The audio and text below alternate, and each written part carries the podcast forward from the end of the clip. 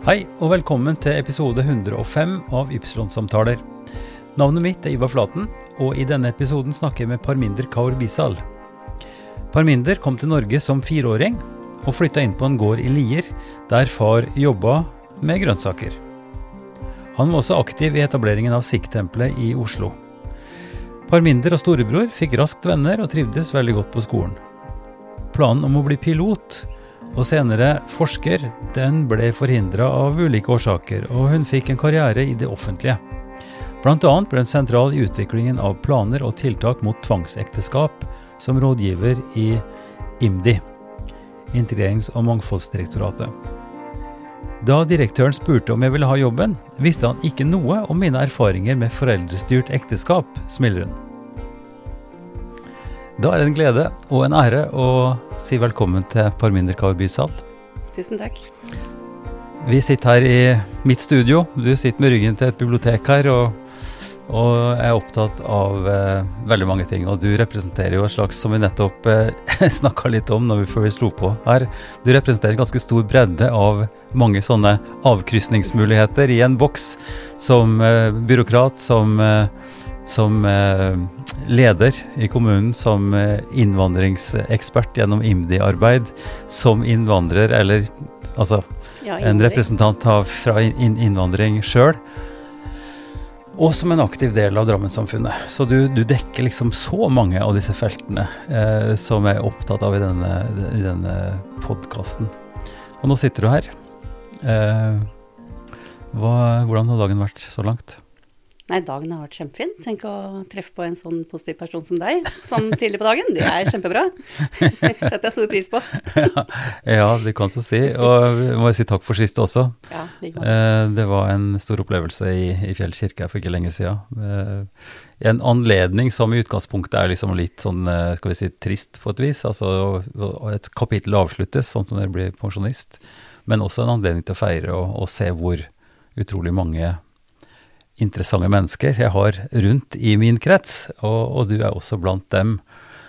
Eh, Parminder, si litt om, eh, om bakgrunnen din. Du, du har en indisk opprinnelse. Si litt om det. Ja, jeg er født i Punjab i India. eh, Helt eh, nordvest, på foten av Himalaya. Du kan faktisk skimte eh, begynne å skimte Himalaya fra der jeg bor. Eh, og i en liten fra en landsby som heter Chapival. Eh, og dem er vi mange av fra her i Norge. Ja. Eh, Hva er, til, hva er grunnen til det? Nei, det er jo det at eh, når noen flytter ut, så kommer det en sånn viss Altså så er det ofte slik at det eh, blir en omtale av det eh, bakover. Mhm, eh, og man ser kanskje mulighetene for å også selv eh, kunne utvandre, da. Ja. Eh, og jeg kommer jo fra en sånn eh, middels eh, Altså det, det er ikke en fattig familie, men uh, jordbruksfamilie. Mm. Eh, og da var jo eh, og, og min eh, tippoldefar, han, han var jo i Argentina. Så vi hadde, hadde allerede mm, migrasjon Ja, i ja. historien vår. Ja. Og faren min, eh, han eh, tenkte at eh, det å prøve lykken ute, det, det er bra. Eh, Og det handler jo også om eh, hvor mange som kan leve av noe eh, jord og sånt. Eh, Mange ting. Og eh, også behov for økonomi. Er, dette en del av det samme problemfeltet som vi opplevde i, i Norge, også i min slekt? I stor grad når jordveien, eller når gården, eh, sto i fare for å bli delt i så mange biter at det ikke var livsgrunnlag, så måtte noen finne levemåte andre steder. Ja, absolutt. Eh, Og det, det er helt vanlig i India eh, at, eh, at man, noen må finne seg noe annet å gjøre. Eh, Og man emigrerer gjerne også internt i India. India er jo et eh, stort land. Ja, ja, ja. Så det å faktisk nesten som emigrere, ikke sant, ja. en delstat til en annen for å finne jobb, mm. da er det nesten like, like enkelt å dra ut. Ja. Eh, og så har jo har, eh, I Punjab så har man også veldig sånn eh, tradisjon for å utvandre. Man har jo eh, mange som har bosatt seg i Canada for, eh, på 1800-tallet og sånt. Ja. Så det er liksom Og slektskap i England, min mors familie. Altså min morfar og han bodde i England. Mm. Eh, og hennes familie er bosatt i England. Eh, ja. St- Stemmer at det er relatert til Midt-England og til, til Leicester og det området der? ja, ja. Eh, de bor jo mine i, i London. Ja. Eh, så de har jo alltid bodd i London, i Southall, Ja, ja. eh, som tidligere ble kalt for eh, Mini-India. ja. Mm. Men nå som har tatt over andre grupper, mer vil jeg si. ja, ja. Og det handler jo litt om dette her med lang botid og sånt, ikke sant. Og mulighetene for å kunne bosette seg i bedre strøk, ikke sant. Mm, mm. Ja. Ja, ja. Mm. Nettopp. Nei, sånn at, at utvandring, eller da finne seg et annet sted å bo, det var overhodet ikke noen nyhet i din familie. Nei, det Altså oss si at eh, min morfar eh, hadde utvandra, Ja. så tror jeg det kanskje Og så var det vel en del Det var ganske nytt, da, når min far eh, i 74 eh, vandret ut. Mm. Så var det ganske nytt. Eh, men det var altså min mors fetter eh, som kom hit først. Ja. Eh, og han sendte Den gangen var det sånn at det var stor, stort behov for arbeidsinnvandrere i Norge. Ja. Og han fikk gjerne kunne sende sånn gjestebrev. Mm. Eh, og de gjestebrevene, de Da fikk man visum. Eller man trengte jo ikke visum, da, men da eh, kom man jo inn. Eh, og da valgte han å sende det til min far, for han hadde visst at det var en behov eh, i familien. Mm. Eh, så sånn foregikk det. Ja. Eh, så kom han hit. Eh, og vi bodde Jeg husker masse fra India òg, da. Eh, jeg var jo fire og et halvt år da Ja. jeg kom hit i 1. mai 1976. ja. Så jeg pleier å si at det å komme hit på arbeidernes dag, det, er, det passer veldig fint. Ja, ja. For noen som skal gjenforenes med en arbeidsinnvandrer. ja. Mm, Så eh, fire og et halvt år, hva husker du fra India? masse. Eh, det er veldig rart, fordi at jeg har en del sånne eh, filmsnutter i hodet. Mhm. Eh, jeg har jo en funksjonshemning. Jeg fikk eh, polio, poliomyelitt, eh, når jeg var ti måneder gammel. Eh, og eh, hadde naturlig nok en god del med helsevesenet å gjøre den gangen. Eh, en del traumatiske opplevelser, så det må ha vært veldig tidlig. Eh, og jeg fikk strømsjokk og sånt, så jeg kan huske mye av det. Et Eh, terapeutisk strømsjokk. ja, altså man fikk strømsjokkbehandling. Ikke sant? Det var noen amerikanske sykehus i India den gangen på den tida, så jeg fikk jo Foreldra mine valgte jo veldig bra. Altså de tenkte jo hva, det beste. hva var logikken i det? Nei, de tenkte vel det at dette her er muskler som har dødd ut, og Ja. man må på en måte Ja. Akkurat som du gje- gjenoppliver hjertet, da. Ja, eh, Så kan man på en måte med strømsjokk gjøre det, men det uh, ga nok eh, motsatt effekt, dessverre. Ja. Det er jo en nervesykdom. eh, Ja. Sånn at uh, jeg- var jo lam i begge beina mine, men jeg var så heldig at jeg fikk en halv funksjon igjen. Altså jeg går på et halvt bein. Halvt høyre bein. ja. Så de begge Ellers så er, er det ganske Et halvt høyre bein, det skulle en ikke tro når du ser at du beveger deg. For det Altså, du har jo åpenbart lært, eller har en god teknikk, da, som du måtte utvikle.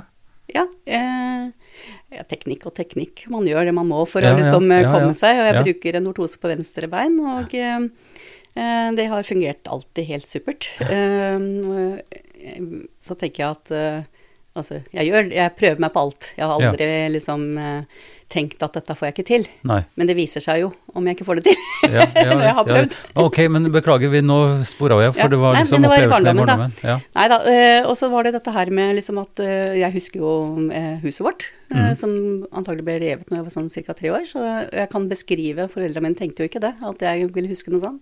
Men jeg kan beskrive alle rommene og sånt, og det viser seg å stemme. Wow. Så, så er det masse sånne hendelser og sånt, og stort sett bare Jeg har hatt en veldig opplevd en veldig god oppvekst. Mm. Veldig mange gode, trygge voksne rundt meg. Mm. Så jeg husker jo veldig mye, mange av dem, da. Ja. Eh, eh, og når jeg var inne på det med leger og sånt, så, så eh, hadde jeg jo en skikkelig angst for folk som menn som var kortklipte. Ok. Ja, fordi at jeg kommer jo fra Punjab, og der bruker man jo turban. Ja. Eh, og de fleste hadde jo skjegg og liksom turban og sånt. Så, Ja. Men så var det noen av altså, legene, da, som da De hadde jo ikke det. Eh, og da når det dukka opp noen fra nærmiljøet eller familien som ikke hadde det, så var de ikke velkomne, velkomne hjem til Parmender. Nei, for du opplevde de som leger, potensielle, var leger. og de hadde gjort deg vondt. Ja, så de var ikke velkomne. Og da pussa jeg gjerne schæferen min på dem. ja, ok. Det husker jeg veldig godt. Ja. Og så eh, av eh, de vonde opplevelsene så husker jeg jo å bli mobba, da. eh, Av skolebarn jeg, som var på vei til og fra, så gikk jeg med stokk. Så jeg kunne sitte på en liten sånn forhøyning hjemme hos oss, og så veit jeg at jeg slo etter dem, og jeg sendte schæferen etter dem. Men egentlig mer som humor, humoristisk. Altså at jeg syntes jeg, var- jeg var tøff, jeg, som kunne jage disse her Ja, ja. tullingene. Eh, men det var da selvfølgelig mobbing, ikke sant, Ja. som var der. Men ellers, bortsett fra det, så Ja. har det bare Men du klarte å ta et sånt eh, litt sånt ovenfra-perspektiv på det? At det var de som var dumme? Ja, jeg vet ikke hvor når det har skjedd, men Nei, jeg har at- alltid tenkt sånn. Ja, fordi, men fordi eh, det som er den ødeleggende virkninga av mobbing, Ja. er jo at du blir svekka av det, at du tenker at du ikke er bra, rett og slett. Det kan jo hende at det er liksom noen som har innprenta det hos meg, men jeg har, det har jeg alltid tenkt. Altså, jeg, har, altså det, familien også har ledd litt av det. ikke sant? At, det er liksom at herregud, du slo dem jo med stokken, ikke sant. Og Ja. de hadde jo problemer med å gå forbi og sånt, og Ja. hadde jo denne schæferen, da, som var, var selvfølgelig trofast mot meg, Ja, og gjorde som jeg sa. Ja. Så ja, det vil jeg tro var et ganske bra argument for folk til å holde seg unna, da. Ja, ja. Nei, så det, det husker jeg egentlig bare litt som hus Ja. Men jeg vet jo at det ikke var bra. Ja. uh, innerst inne. Men, men, men hvordan ble det når du etter hvert kom hit, da? Altså som eh, fire og et halvt åring til, til 1. mai og, og inn i skole. ja. Jeg vet jo, du snakka mye med broren din, og han har opplevd altså, skolegangen her i, i Norge som veldig positiv. Ja. Skolegangen her har vært bare positiv, vil jeg si. For min del òg. Jeg, var veldig glad i skole, så jeg husker at eh, også i India, eh, når broren min gikk på skolen, så eh, en gang Jeg maste så mye at jeg da fikk eh, I India, så på den tida, så skrev vi på noe som ligna på brødfjøl. Aha. Kan du se for deg en sånn eh, Ja, ja. rektangulær eh, fjøl? Skjerfjøl, ja. Ja, Mm, mm, med et håndtak på, eh, på enden. mm. Og på den eh, så tok man og skrev, og det var kladdeboka. Og så visket du det ut, vasket det bort, og smurte det inn med en gul leire. Eh, Et, et treplate. en treplate. Og eh, det var, skri, det var kladdeboka. Og så i miljø- og klimaperspektiv så var jo dette her utrolig bærekraftig. Det må man si. Ja. Så, så jeg fikk en sånn. Eh, Men den leira, var det noe den kjøpte? eller Nei, det var noe på noe du fra- hadde tilgang til. eh, Ja, ja. Det var gul. Ja. Eh, Det heter noe spesielt. Gartini heter det hos oss. Så det, det var leire, Mm. på en måte. Og så var det Så jeg maste meg til å bli med sko sko på skolen, da. Mm. Og fikk lov til det én dag. Og da var jeg ja, kanskje en tre og et halvt eller noe sånt. Og så kom jeg på skolen, da, og uheldigvis den dagen så var det vaksinasjon. Hvem var det som da begynte å skrike og ville hjem igjen? Ja, ja, ja, ja. Nei, men skolegang eh, i Norge Jeg kom jo hit som fire og et halvt åring eh, og bodde på Ila gård. Det er jo en gård i eh, Lier. Mm. Og utrolig Altså, første dagen i Norge, det, det snødde. Så det, det husker jeg godt. Jeg Det husker ikke 1. flyet. Mm. Jeg husker ikke farvel eller altså noe fra India den dagen. Men jeg husker at det gikk ned fra flyet i Moskva. Jeg husker at det snødde der, og jeg var tynt kledd. Eh, Det var kaldt. og så husker jeg at vi ble henta på Fornebu av eh, mor, som vi kalte det. Det var jo da eh, mor på gården. Eh, Ja. De seide gården. Ja. Eh, og pappa pleide å kalle mamma, far og mamma. Ja. Eh, og så øh, Hun kom med sin gule stasjonsvogn, eh, og det husker jeg veldig godt. Eh, og så Det er liksom stort sett det første minnet. Altså at jeg hadde en veldig eh, Vi har inkludert eh, at Aksel Bjørnstad, da, som var far på gården, han hadde meg med overalt. Så jeg har bare sittet i bilen hans og kalt meg Lillehøna, og var med han ut på gården og sånt. Så det var liksom kanskje min barnehage. ja. Mamma begynte jo å jobbe når hun var fem dager etter at hun kom til Norge, på Kono kjeksfabrikk i nede på eh, Hva heter det igjen, da? Eh, nede i Lier. ja. Og så eh, Men i hvert fall så min skolegang starta med førskole som seksåring på eh, Lier Hegg ja. skole, da. Mm. Eh, gamle. Ja. En liten hytte ved siden av. Husker utrolig godt mye av det som var der. Kunne ikke norsk. Eh, blant annet så husker jeg en sånn foreldresamtale hvor eh, tanta mi var med. Ja. Altså det var sånn, Den som hadde tid, som ikke var på jobb, Ja, ja. blei med. Ja. Så hun var da min forelder den dagen. Og så forteller de da at uh, Parminder er så snill. En snill jente og gjør lite ut av seg og alt det der. Så oversatte hun det til meg, da, for jeg var veldig nysgjerrig på hva som ble sagt. Så spurte jeg hva sier hun. Og så sier hun hun er veldig snill, at du liksom ikke bråker og ingenting. Og så sa jeg ja, men det Hun bør jo skjønne bedre enn det, for jeg kan ikke løpe, så derfor så sitter jeg. Og så kan de ikke gjøre så mye med det, og jeg kan ikke norsk, så derfor så skravler jeg ikke. Så det er jo ikke noe rart i. Så jeg tenkte jeg var veldig sånn analyse, jeg var veldig reflektert. tidlig. Jeg var veldig reflektert tidlig. og jeg tenkte at hun, hun der hadde ikke Ja, det var Men er ikke, er ikke det en allmenn misforståelse, da? At snille jenter Altså som Jo, men som faktisk liksom ikke gjør noe ut av seg. Ja, ja. At det er en kobling mens du satt der av tvang og kunne ikke. ja så Mens du bobla det var en helt eh, naturlig forklaring på Ja. alt det hun kom med. Tøft. Så det, det husker jeg veldig godt. Og det har de ledd mye av. og Det er vel sånn man minner også blir liksom forsterket veldig, Ja. da, fordi at de har det med seg, og man ler av det, ikke sant. Ja. Så det er Mm. min første. Eh, og så flytta vi jo da etter et års tid til Elvegården Mm. eh, i Drammen. Eh, veldig, husker det veldig godt. Eh, husker en episode der eh, det var i Elvegården var sånn, sånn Tidlig da så var det sånn at det var veldig vanskelig å få leilighet. Altså for innvandrere å leie bolig var kjempevanskelig. Men han utleieren på Elvegården, han var nok eh, eh, bedre innstilt på det. Så der bodde jo egentlig nesten alle inderne jeg kjenner, Ja. og noen pakistanske familier. Ja. Eh, og så, eller kjente den gangen, da, uh, Ja. de familiene som var der. Mm. Uh, og så der bodde vi, og der var det jo da en av inderne som satte fyr på søppelsjakta, eller rommet, som var under trappa. Hadde blitt betalt for det av eieren for å få forsikringer.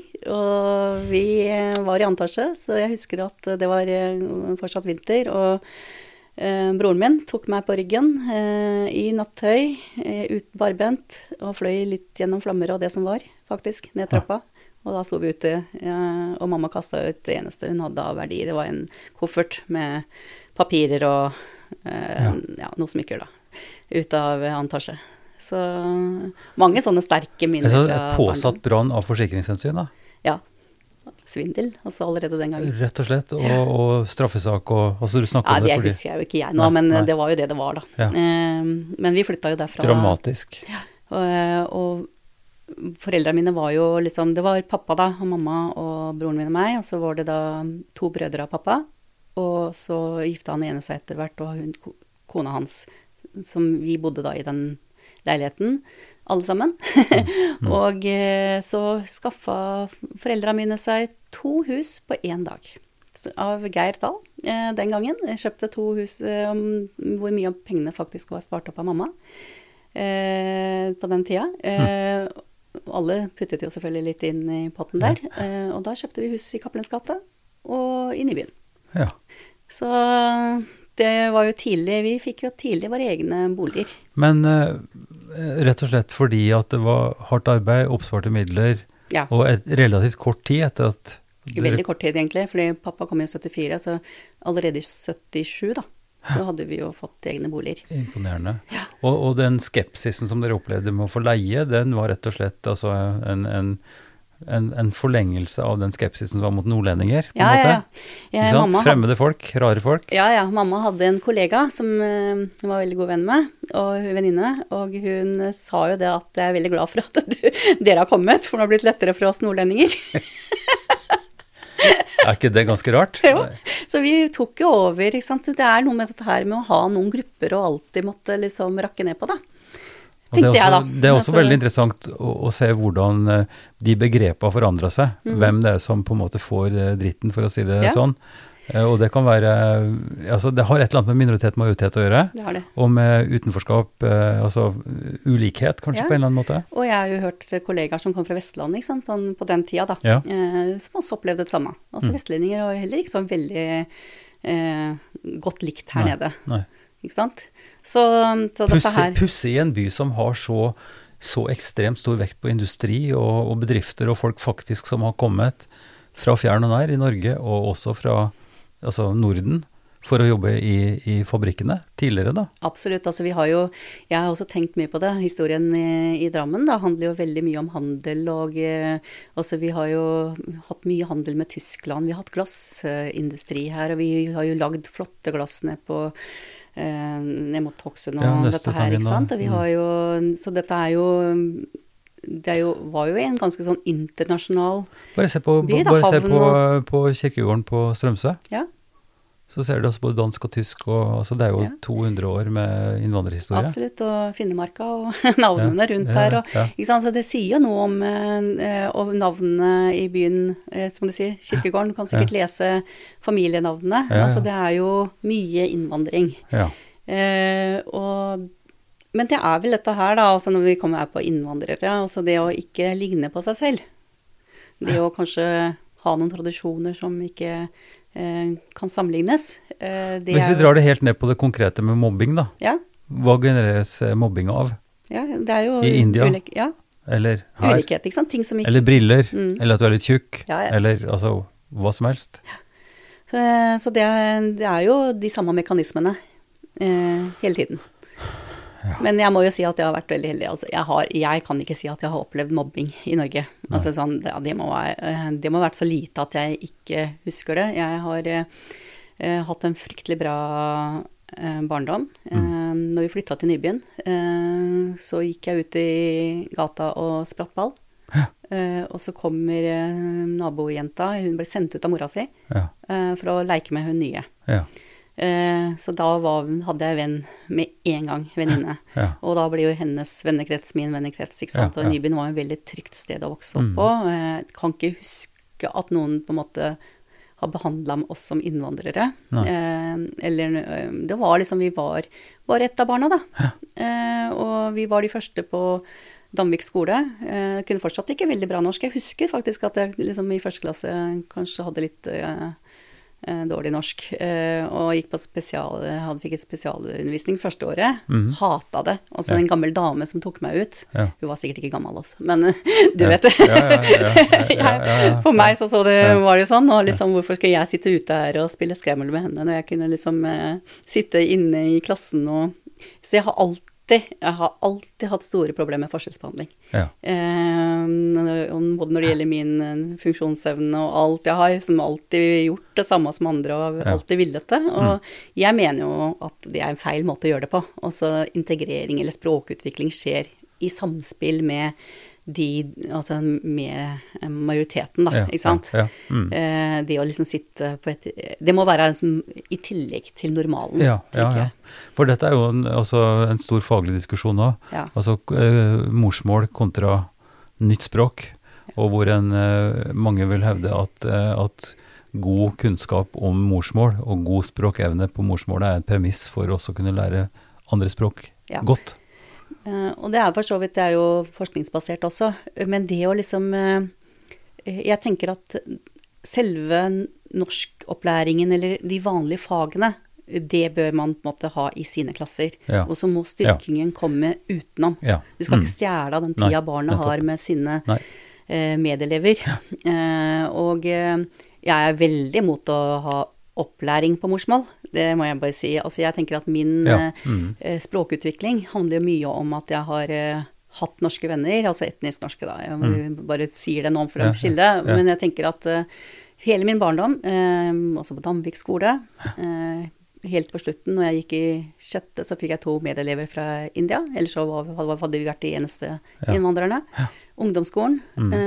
Så var vi noen flere Det var indere, stort sett. ja. De kom fra Rødskog, eh, Ja. og så et par tyrkere. Eh, Eller så var det um, bare etnisk norske, og Mm. på Drammen gym, som også den gang var sånn seleksjonsskole, ikke sant? for da var det jo bare de med best karakter og sånn som Eller det var Mm. karakterbasert, og som kom inn og sånn, men da var det også noen indere, en pakistansk, tror jeg, på den tida, og så var det vel en vietnameser. Mm. Så det er liksom det å Det miljøet, da, språkmiljøet, Mm. det har vært veldig viktig. Og jeg kan huske fra niende klasse eh, at vi hadde Hva heter det, en sånn eh, Det heter normerte prøver Ja. Mm. i gamle dager. Ja. Det var noe som skjedde når man kjørte i hele landet, Ja. og de var helt like, ikke sant. Og det var på norsk og matematikk og engelsk, jeg tror det var de tre fagene. Og der fikk, eh, der fikk vi en test, eh, husker det utrolig godt. Eh, ordtak. Mm. Treffer spikeren på hodet, stikke kjepper i hjula. Ja. Jeg visste ikke hva det var. Jeg skrev, og så tenkte jeg liksom, ja ja, det er vel ganske tydelig, da. Treffe spikeren på hodet, hvordan kan man skrive på en annen måte? Ja, ja. Liksom treffe hammeren akkurat oppå toppen. Ja, ja, ja, ja. Så jeg oversatte det jo sånn, ikke sant, eller forklarte det sånn, og det samme, ja. Eh, men det er typisk ting du ikke lærer hvis du ikke har voksne rundt deg som bruker ordtak. Barn bruker ikke ordtak, stort sett. Nei. Nei. Mm. Og jeg hadde jo stort sett bare barn rundt meg. Ja. Eh, ingen voksne, voksne, jeg kan jo masse indiske, eller Men dette er jo litterære ting, Ja. og, og talemåter, eller måten å, Altså metafor, humor, alt det Ja, der som alltid. ligger i en sånn metasfære i forhold til skal vi si, talespråk og kommunikativt språk. Ja. Mm. Nei, altså det er mange ting som du må på en måte plukke opp i samfunnet, da. Ja. Eh, som du har eh, behov for å være i en del av Ja. det samfunnet for å lære. Ja. Så du, ikke, du kan jo lese deg til det, selvfølgelig, men det er vel de færreste som setter seg ned og Mm. Men hvis vi, hvis vi bare suger oss fast i akkurat det der eh, Jeg har lyst til å snakke mer om utdanninga di og det du har gjort og sånn, Mm, men, men hvis vi nå med din ekstreme husk, som jeg opplever du har, eh, forholdet mellom kulturen i det hjemmet som dere har, som er et sterkt og, og aktivt hjem Jeg kjenner jo litt til det, ikke sant, som Mm. måten dere har tatt imot festivalfolk på, f.eks., viser jo noe av det. Men, men hva er forholdet mellom den, den hjemmekulturen, da, som er indisk, eller som har med kulturen og kanskje med religion å gjøre, på den ene sida, og den der veldig sterke integreringa som du nå beskriver? Ikke sant? At du, du er en del av et norsk, gjennomnorsk miljø, hvor du får språktrening og får Mm. trening i å bli norsk, da, som Mm, i apostrof. For det er jo en spenning mellom de to, men samtidig en nødvendighet, sånn som jeg ser det. Hvordan opplever du de, de tinga der? Det å ha sterk forankring i en familie, i en kultur, Mm. i et språk, eh, på den ene sida, og være en fullintegrert Ja. på den andre. Jeg tror jeg skjønner hva du mener. Eh, Jeg har aldri hatt eh, identitetsproblemer. Altså det å liksom Nei, Jeg har hatt en nei. veldig sterk identitet. Mhm. Eh, og det tror jeg handler om eh, veldig sånn trygg familie. Mhm. Eh, det at min familie var veldig opptatt av sin kultur, handlet ikke om at vi skulle velge bort det norske. Nei? Eh, det var aldri det. Så vi var jo alltid med på alt. Mm. Jeg har vært med på leirskoler og det som er, og jeg gikk jo korps, spilte korps, Ja. så vi var på turer og alt. Vi hadde noen, noen grenser, mm. og de var veldig absolutte. Ja. Eh, og eh, det var alkohol, Ja. Mm. eh, rusmidler. Det, var, det skulle vi ikke befatte oss med. Nei. Ikke kjærester. Nei. Det var litt sånn viktig Ja. for mine foreldre. Eh, og eh, eh, hva var det andre igjen, da? Eh, altså, dette her Min mor var veldig opptatt av det med å ikke sminke seg og sånt. Ja. Det var veldig sånne Altså, for meg var ikke dette her noe problem. Og så håret. Ja, ikke klippe håret. Ja. Jeg er jo sikh, Ja. så ja. sikher skal ikke klippe håret. Nei. Eh, Så det var sånn som de, dette var de fire tingene som de var veldig de var opptatt av. Eller egentlig så ble det aldri uttalt noe mer enn at det ble sagt en gang. Og så var det sånn at når foreldre hadde sagt sitt, mm. så var det sånn det var. Ja. Eh, Så jeg har jo liksom aldri eh, Altså jeg er jo en som har krangla fryktelig mye med min far, Mm. blant annet, Mm. eh, om mye rart. Mye Ja. likestillingsgreier og sånt. Og, Ja, ja. Men eh, disse tingene her, det var liksom helt greit for oss. Eh, og så tenker jeg at eh, Og så var det kulturen, da. Eh, hva er altså kultur? Altså vi var, vi var så mye sammen som storfamilie. Eh, Så liksom, helt til å begynne med, så var vi samla på ettermiddagene. Mm. Så var det liksom ikke mm, kjernefamilien, det var ofte at vi bare var hos en av oss mm.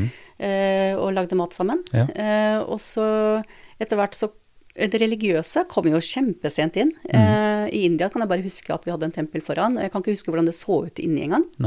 Eh, Jeg husker utvendig. Mm. Så jeg husker jo begrepet og sånn, så jeg Mm. veit så det må jo ha vært noe. Men mm. vi er, var liksom ikke noe sånn det, det er en del Det er bare sånn Det er en del av hverdagen. Ja. Det du gjør. Ja. Eh, og så ingen krav til klesstil, drakt eller den type ting. Nei. Jeg vet at noen andre ble utsatt for det, var, vi var aldri det. Og så var det eh, at faren min etter hvert så så de vel et behov for at vi trengte å ha et sted å samles. Mm. Eh, så min første minner om det, det er jo at eh, det var min far var veldig var en pioner på den i, i det norske samfunnet. Ja. sammen med sin, en venn av seg i Oslo. Ja. Så de to de arrangerte da de lånte Oslo Handelsgyms lokaler, altså en svær aula, Ja. kanskje det Mm, en veldig mm, fin aula. mm. Inni der kunne vi hatt en sånn eh, gudstjeneste, da, en sånn uh, sikh-gudstjeneste. Og Mm. så hadde vi da en samling eh, på biblioteket her, i gamlebiblioteket i Antasje. Mm. Var det en sånn mm. eh, festlokale, samlingslokale. Ja. Eh, så det skjedde liksom litt rundt forbi. Man leide, og så lagde eh, mamma på mm, Plutselig skulle mamma fått beskjed om at eh, i morgen er det samling, så da må du lage mat. Så da lagde mat til 100 stykker, helt aleine. Skjedde på kjøkkenet med de med redskapene man hadde der og da. Eh, mye sånn dugnadsånd og så det, Og det husker jeg bare som positivt. Ja, ja. Fryktelig positivt. For da, Mm. da eh, møtte jeg jo også andre indiske barn. Ja. Eh, ikke sånn ellers. Jeg, hadde ingen, har jeg på- utelukkende hatt egentlig bare norske, etnisk norske venner. Mm. Eh, men eh, ingen tvang. Det var liksom ikke noe sånn at vi måtte sitte og eh, lese bønn, og det var veldig sånn fritt. Og, så det var, også var det, eh, til å begynne med så hadde vi jo kino. Mm. Altså, eh, nå husker jeg ikke hvilke eh, Det var foran Saga kino, så var det to små eh, kino, Snorre kino, og så, Så var det skikkelig Bollywood-kjør. Ja, da var det Bollywood-filmer. Også i 1976. Det er jo helt utrolig. Mhm. I, to, I de to-tre år så kjørte man jo Bollywood-filmer, og det husker jeg veldig godt. Husker de filmene vi så. Mhm. Eh, og så var det sånn at eh, pakistansk, pakistanerne her og inderne, vi var jo samme kultur, da. Ja, ja. Eh, vi var venner, og, vi, og, eh, og da var det veldig Det har kanskje blitt mer og mer segregert oss imellom også. Hinduer, sikher Ja, ja. eh, Pakistanere var veldig ofte samla, men vi er blitt så mange, ikke sant. Så, da, Mm, ja. så det, det er liksom vår kultur. Det, min far var eh, Og han er veldig eh, glad i å lese. Ja. Men han leste altså 1001 natt for oss og sånt. Han leste norske bøker. Så vi er jo faktisk oppvokst med at en far sitter og leser eh, norske bøker, eventyr. Ja. Og han fortalte eventyr, indiske eventyr, eh, muntlig, da. Overlevering, ikke sant. Ja. Veldig fin. Og det var jo På, sånn på da- norsk. Nei, det, det var på punjabi. Ja, ja. Eh, men han leste Begge på norsk. Ja, ja. Mm. Eh, og så var det Han er veldig musikkinteressert. Gamle Bollywood-sanger. Så jeg har jo han, jeg hadde, har hatt en veldig sterk interesse for det ja. sammen. Eh, alltid musikk i rommet i huset vårt. Vi har satt på en plate. Jeg, Ja. rydda og vaska og hadde musikk på. Og Ja. han òg. Så det Ja. Men han blei mer og mer religiøs etter hvert. Eh, eh, så det er kanskje en trang man har. Så jeg fikk jo en, etter hvert en liten eh, eh, Ja, jeg blei vel litt sånn eh, metta Ja, eh, på et eller annet visst tidspunkt. Eh, og det handler jo litt om at i 1984 så hadde vi jo da dette drapet på Indra Gandhi, hvor sikhen, en, noen sikher Ja. Eh, og med en veldig vond opptrinn til det. Det var jo det at Det gylne tempelet til sikhene Ja. storma Ja, ja, av, på hennes kommando. Eh, og eh, politikk, ikke sant. Eh, I India så lever jo man det, det er virkelig et mangfoldssamfunn, hvor man uten å tenke over det, Mm. går og besøker hverandres gudshus. ikke? Hindu går til sikher, og sikher går til hindu. Dette og dette har jeg skjønt og grav. fått. Og, Fått veldig beskrevet fra mange hold. ja, ja, sånn, og det, så det mangler nok norsk i Norge. Eh, men der trenger du ikke å tenke på det. Altså, det bare er der. Du gjør det. men eh, men eh, politikerne har jo gjerne et behov for å lage splittelser. Tell me news, ja. Yes. Så Ja. det, det har jo vært eh, masseslakt og um, sant, disse store tingene, hendelsene som har skjedd blant muslimer og hinduer Mm. Ja. og sikher og, Ja. og veldig vond tid. Og Mm. da blei det også en sånn litt splittelse i sikh-samfunnet her. Mm. Litt sånn, den ene holder med den andre og så, litt sånn. Og jeg husker at det, da blei litt sikh-tempelet da i Oslo den gangen ble brukt til det. Mm. Og for meg så ble det litt sånn sånn Jeg begynte å ta avstand, da. Ja. Eh, ikke fra religionen, eh, men fra liksom samlingssted ja, og sånt. ja. Så jeg har eh, eh, på et visst tidspunkt kanskje vært artist også. Altså Mm. jeg følte liksom at eh, nå. Dette her tror jeg ikke noe på, ikke sant. Mm. Men, eh, men det er ikke lenger, da. Det var Mm, mm. bare en liten periode. Kanskje en sånn som alle går Jo, men det finnes da en mengde aktverdige, deilige folk som er ateister. Så, Ja, ja, ja. Noen av mine beste venner er det, og det så det, det, det er også et mangfold og en, en, altså en posisjon som, som både er interessant og forståelig. Ja. Men, eh, men jeg syns det er interessant det du sier også om de spenningene som oppstår internt, Ja. som er generert av helt andre ting enn religion, Ja. men som smitter over, og som blir en, et skisma eller blir en, en problematikk eh, internt. Det er det ene. Det andre tendensen som er interessant, det er jo eh, den, den fordelen, kan du si, da, eller det som dere opplevde, at det var relativt få. Ja. At dere fikk en normal og en nesten nødvendig integrering gjennom venner og sånt. Mens eh, situasjonen nå, hvor det er mye større grupperinger, og hvor en kanskje også da får både større drivkraft til å, å bygge fellesskap som er mer homogene, Mm. ikke sant? Eh, samtidig som en tar del i storsamfunnet. og, de spørsmålene der, de, de opptar meg ganske mye, fordi at jeg vil, jeg vil jo så langt eh, nesten som det er mulig gå i en retning av at det er legitimt og fint. Altså at man bygger sterke fellesskap som er veldig presise, knytta til religion eller kultur eller språk. Mm. Eh, og, og det er fint så lenge ikke det blir bare det. Mm. Men hvordan en skal kunne bygge sammen, eller på en måte få den flyten imellom, når så mye av tida blir brukt i språkfellesskap og i, i eh, på en måte fellesskap hvor en da ikke får den eksponeringa som, som du nå eh, eh, gir uttrykk for, da. Ja.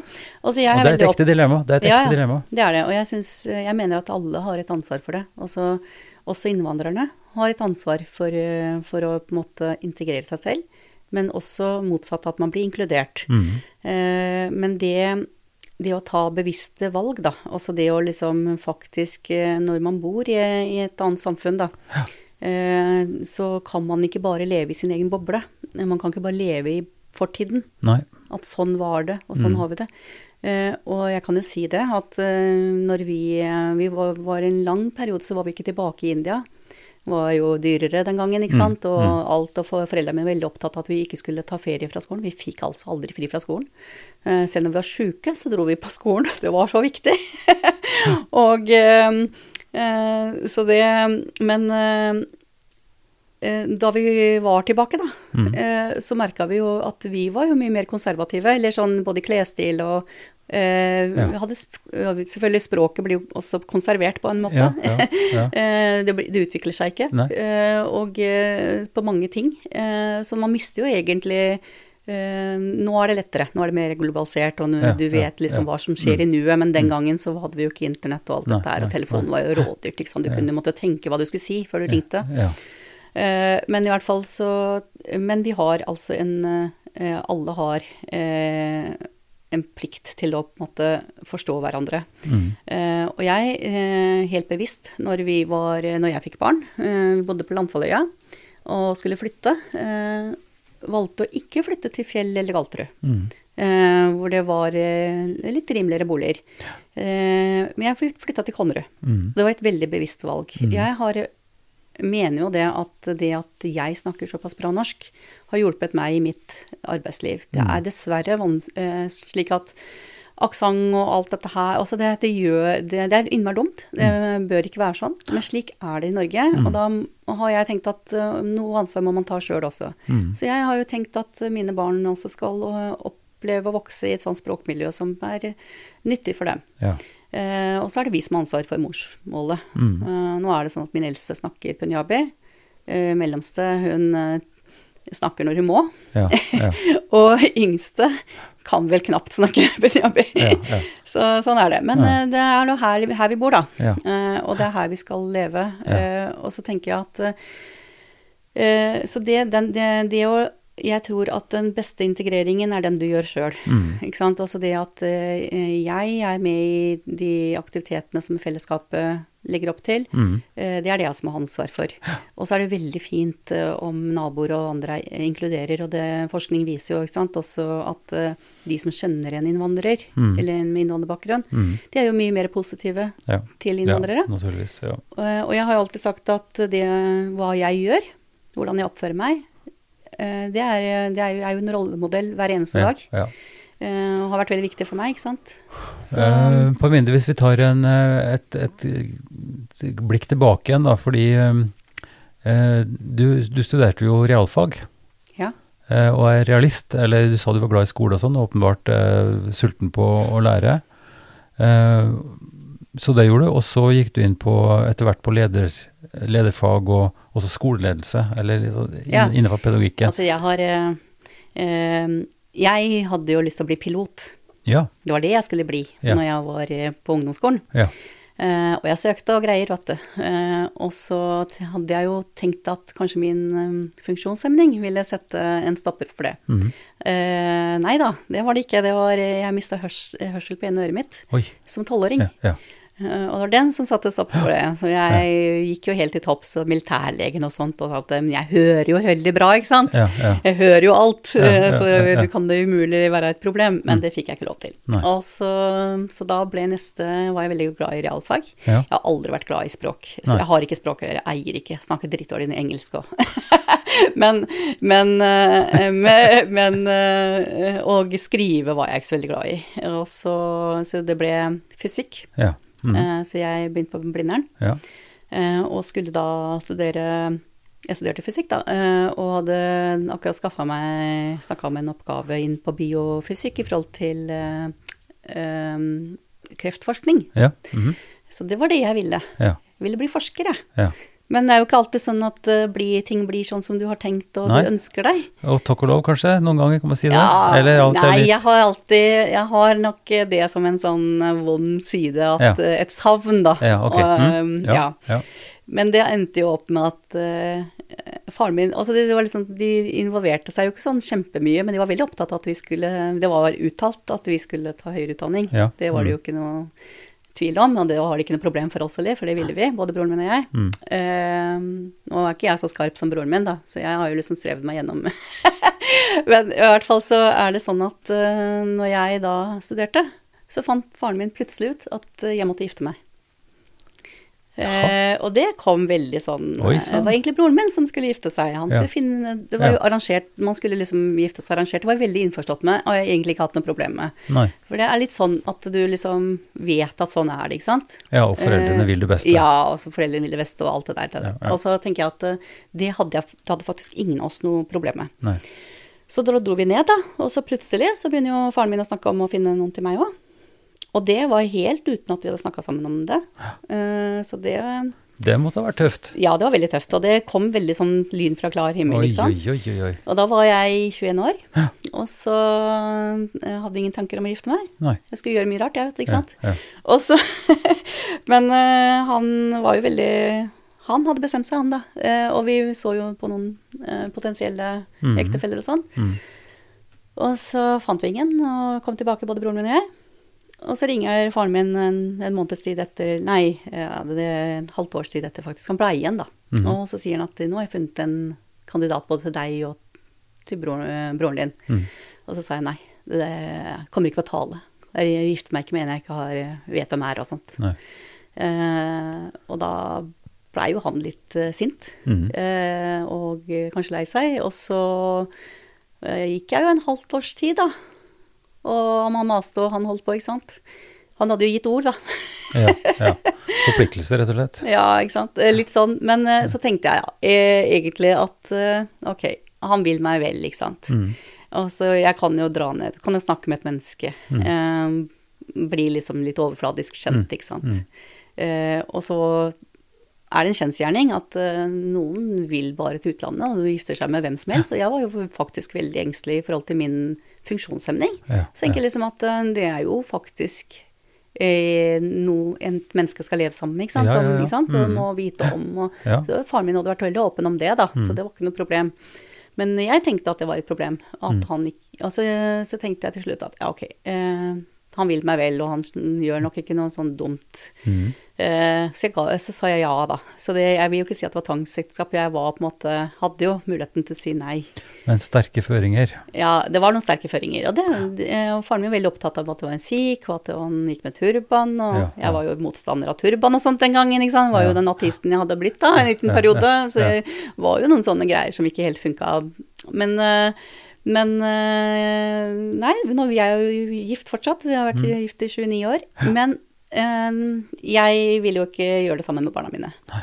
Det bestemte meg for ganske tidlig da. Og så tenkte jeg at eh, dette her med å skaffe en ektefelle fra India Altså ja, det var veldig få mennesker her, så jeg var innforstått at sånn blir det her. Altså når man først vil at man skal gifte seg med en inder og sikh og sånt, mm. så var jo de fleste som var her, de var jo i slekt, eller de var venner, Ja, og jeg ja. anså dem som brødre, ikke sant. Ja, Du kan ikke gifte meg med dem, vet du. For i India så er vi veldig, sikhismen er veldig nøye på det her med å ikke gifte oss inn, eh, inn i familien. Det er liksom fire eh, du, du skal ha fire etternavn eh, vekk fra, ikke sant. Veldig strenge på det. Eh, sånn at det var jo ikke aktuelt. Så eh, Men det fører jo da til at du får en ektefelle som ikke kan norsk, ikke sant. Som må læres opp i det. Mm. Eh, jeg måtte jo bruke mye tid på det. Jeg måtte begynne å jobbe. Hadde ikke noe, jeg, har eh, aldri vurdert å bruke sosialstønad eller noe sånt. eh, ingen i familien har gjort det noen gang. Det virker som det er en utrolig sterk kodeks. Ja ja, nei, uff, nei, det var fy-fy. En Eh, slags skam, rett og slett. ja, altså jeg har ikke Jeg visste ikke at fan- altså, det var mulig engang. Nei, nei. Jeg mener det. Altså Nei, det ja, ja. Og eh, vi tok jo noe studielån, men ikke mye. eh, og så var det liksom Men det å begynne å jobbe, da, ble min utvei. Så jeg fikk jo da eh, Jeg fikk meg jobb i Buskerud fylkeskommune. Ja. Hos fylkesutdanningssjefen i utdanningsavdelingen. Mm. 50 Eh, Jeg jo, har jo jobba helt siden jeg var eh, 14 år og 10 måneder. Jeg ble headhunta. Da. Det må jeg bare fortelle, for det er en veldig morsom historie. Som 14-åring? Ja. Ja, det må jeg fortelle. Fordi at uh, Jul Gundersen, som uh, var eier av fabrikkutsalget den gangen, og Kid Interiør, ja. Uh, utrolig, utrolig flott mann. Ja. utrolig flott familie. Mamma jobba jo for han Ja. på systua. Mhm.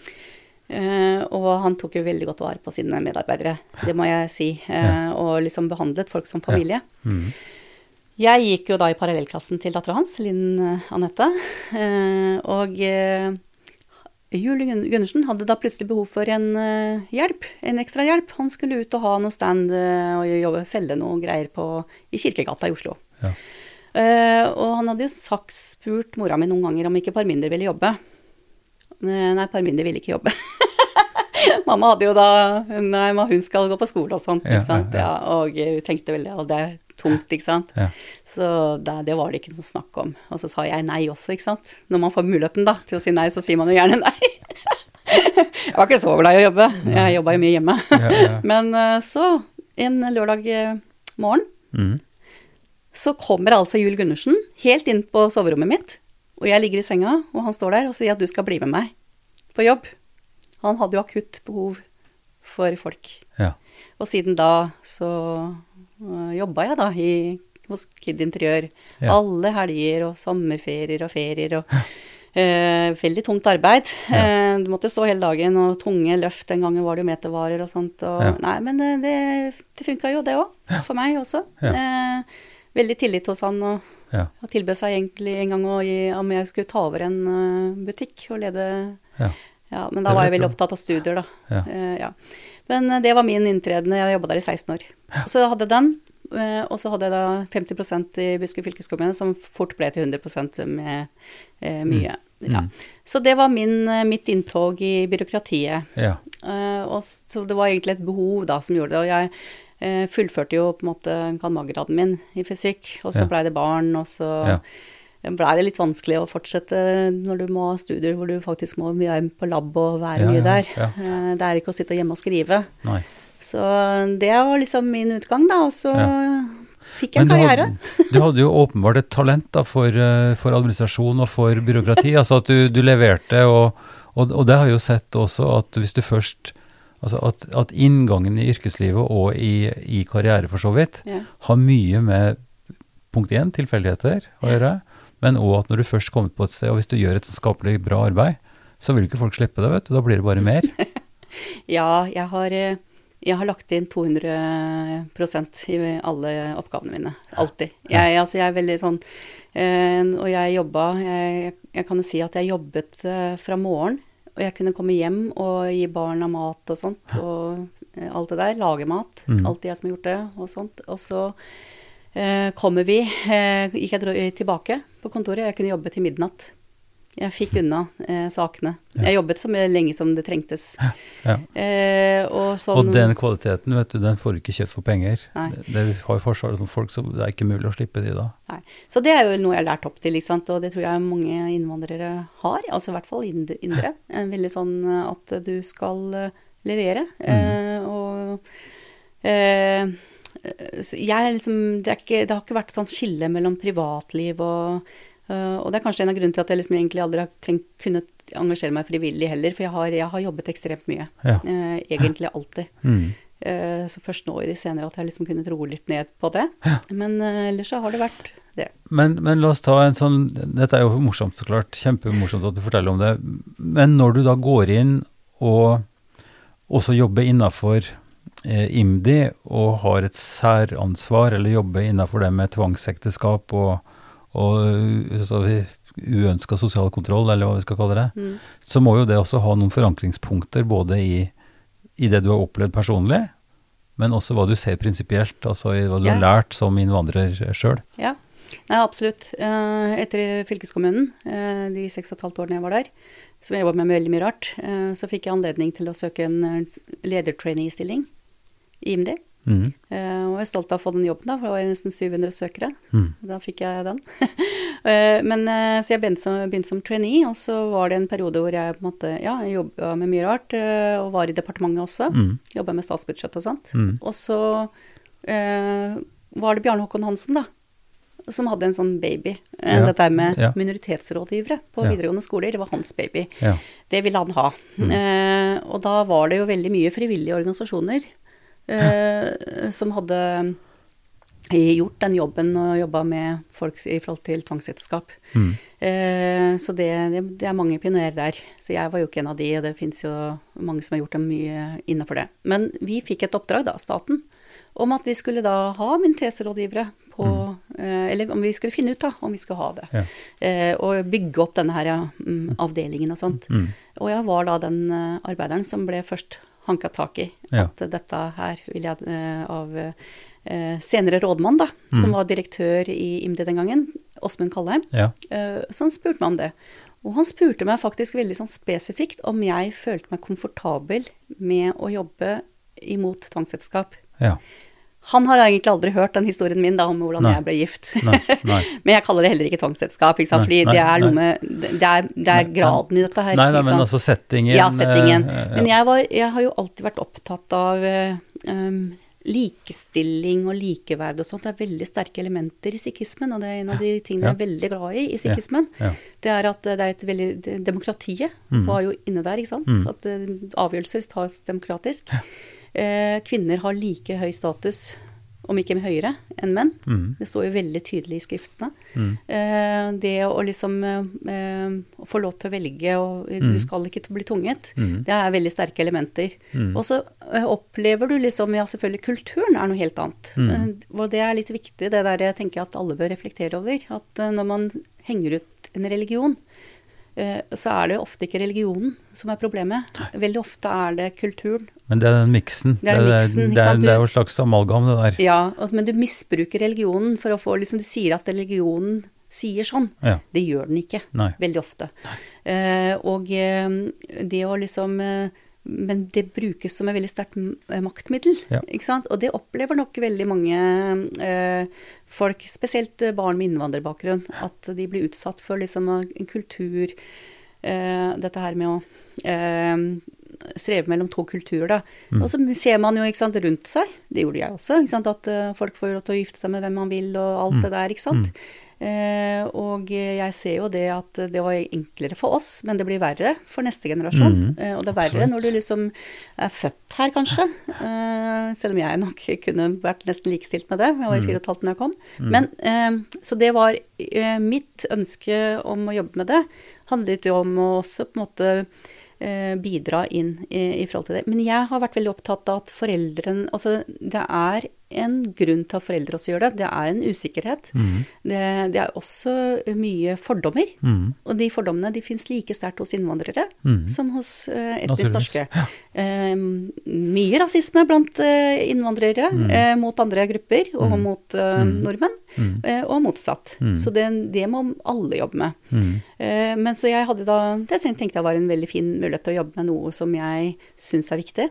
Så jeg var jo med å bygge opp hele den avdelingen og det etter hvert ledede arbeidet mot tvangsselskap i staten. Mm. Mm. Så jeg var med å plassere alle disse immunitetsrådgiverne ute. Mm. Hadde integreringsrådgivere på ambassadene. Jeg har vært mye ute og jobba med det. Uh, Og fikk den, uh, en minoritetsrådgiver opp til Galterud skole. Mm. For jeg mener at det å begynne tidlig er viktig. Mhm.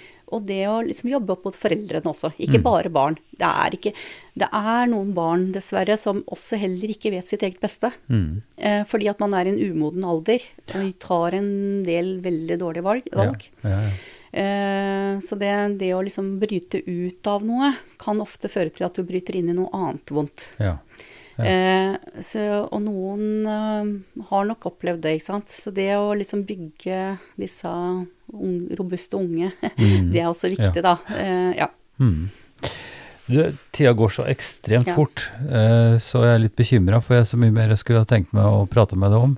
Men vi er nødt til å innom, eh, og det blir nesten avrundinga på min del, altså den jobben du fikk her i, i Fjell 2020, altså når du da kom inn i, i eh, Drammen kommune og har vært med å utvikle den nye Drammen kommune, men også spesielt det med, med 2020 og, og, og skal vi si, hva kalles det for noe? Det kalles eh, Områdesatsing. Områdesatsing heter det. Ja, ja, ja. Mm, si litt om Ja, det. ja, det- det var jo da ordfører her i tidligere ordfører Tor, Tor Oppdal Hansen som på en måte brant eh, for å få gjort noe på Fjell. Mm. Eh, så hans baby. eh, og eh, jeg kom jo hit i august 2012. Da Mm. var, hadde det vært et forprosjekt allerede. Dette handler jo veldig mye om de vedvarende lave levekårene Ja, på Fjell. ja. Eh, så det at eh, Jeg tenkte at eh, Eh, altså jeg hadde jo mye erfaring med forskjellige jobber i departement og fylkeskommunen og i direktoratet, eh, som jeg så at jeg kunne brukt få brukt veldig ordentlig inn her. Eh, så jeg ble prosjektleder da, eh, for Fjell 2020. Og da eh, fikk jeg jo jobbet både med området, ikke sant, å få eh, gi eh, dette her med omdømmebygging, altså dette her med at noen om, områder får så dårlig rykte på seg, det var jo også viktig. Hvorfor er det sånn at der hvor det bor innvandrere, så skal det automatisk bli liksom eh, fælt å bo? Ja. Eh, eh, og da dette med kvalitet på tjenestene, for jeg tenker at der hvor de svakeste bor, der de trenger mest hjelp, der skal det være også best kvalitet på tjenestene. Så jeg er veldig opptatt av at tjenestene våre samarbeider bedre. Jeg har brukt mye tid på det indremedisinske der, ikke sant? og at folk faktisk følger opp.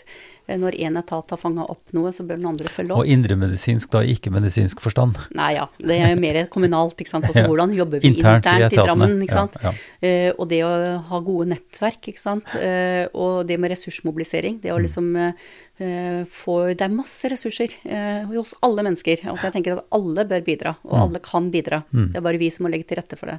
Så det var det som var inngangen. Og eh, ja, jeg, og vi hadde veldig mye brukermedvirkning. Mye, jeg var veldig opptatt av å faktisk spørre folk hva de trengte. Og det eh, var noe vi holdt ved.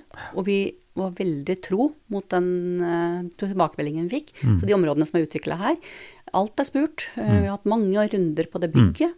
Eh, sånn at ja, ja, jeg er veldig fornøyd og stolt Ja, over det arbeidet vi fikk gjort der, da. Og det viser seg jo at omdømmet har blitt bedre. Prisen har steget. Eh, og folk har da mulighet til å faktisk en boligkarriere hvis man vil flytte ut og kjøpe seg en bedre bolig et annet sted. Og jeg mener jeg faktisk folk bør liksom eh, faktisk bosette seg mer spredt, da. Ja, ja. Eh, Det, det er jo, skal vi si, overtydelig, det du har sagt så langt. ja, ja, ja. I ditt Altså, eget eksempel også. Sosioøkonomisk blandede lag er det beste du kan ha. Vi er Mm. ikke bra å bo bare rikinger seg imellom. Det er også en uting. Mm. Det er ikke sunt for noen. Mm. Ikke bra når det hoper seg opp med folk som har dårlig råd, Mm. eh, og kanskje eh, andre problemer.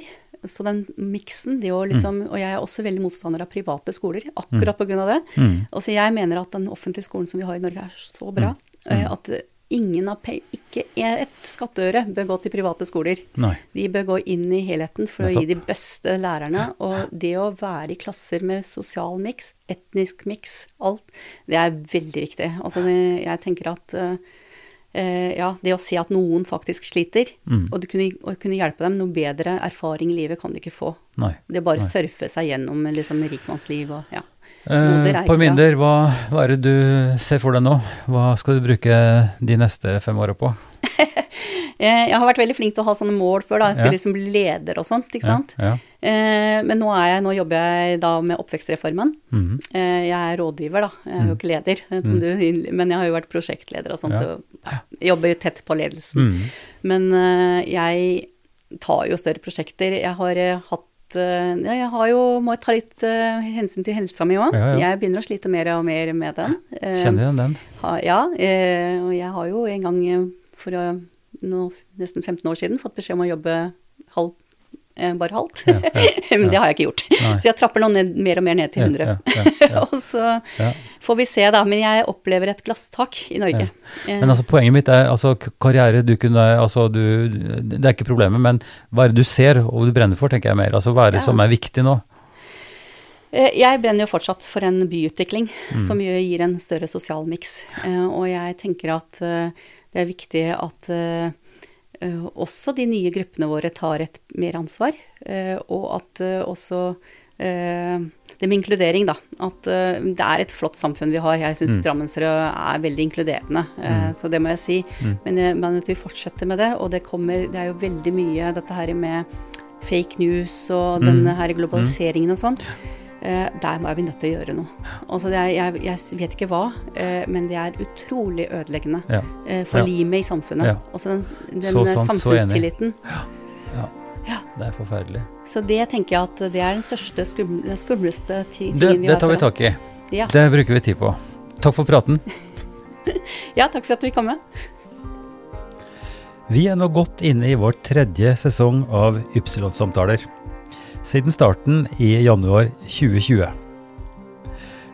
Samtalene de går videre. Nå, også etter at uh, undertegnede Ivar Flaten har blitt pensjonist, så fortsetter jeg å produsere disse samtalene for Kirkelig dialogsenter i Drammen. Podkasten støttes av Barne- og familiedepartementet, av Einar Juels legat, og ikke minst fra Drammen kommune gjennom uh, IMDi-midler. Du kan eh, lytte til andre episoder og se oversiktene hvis du går til www.ypsilonsamtaler.no. Skriv også gjerne en e-post, og da kan du bruke eh, adressen ivar krøllalfa ifd.no. Vi høres.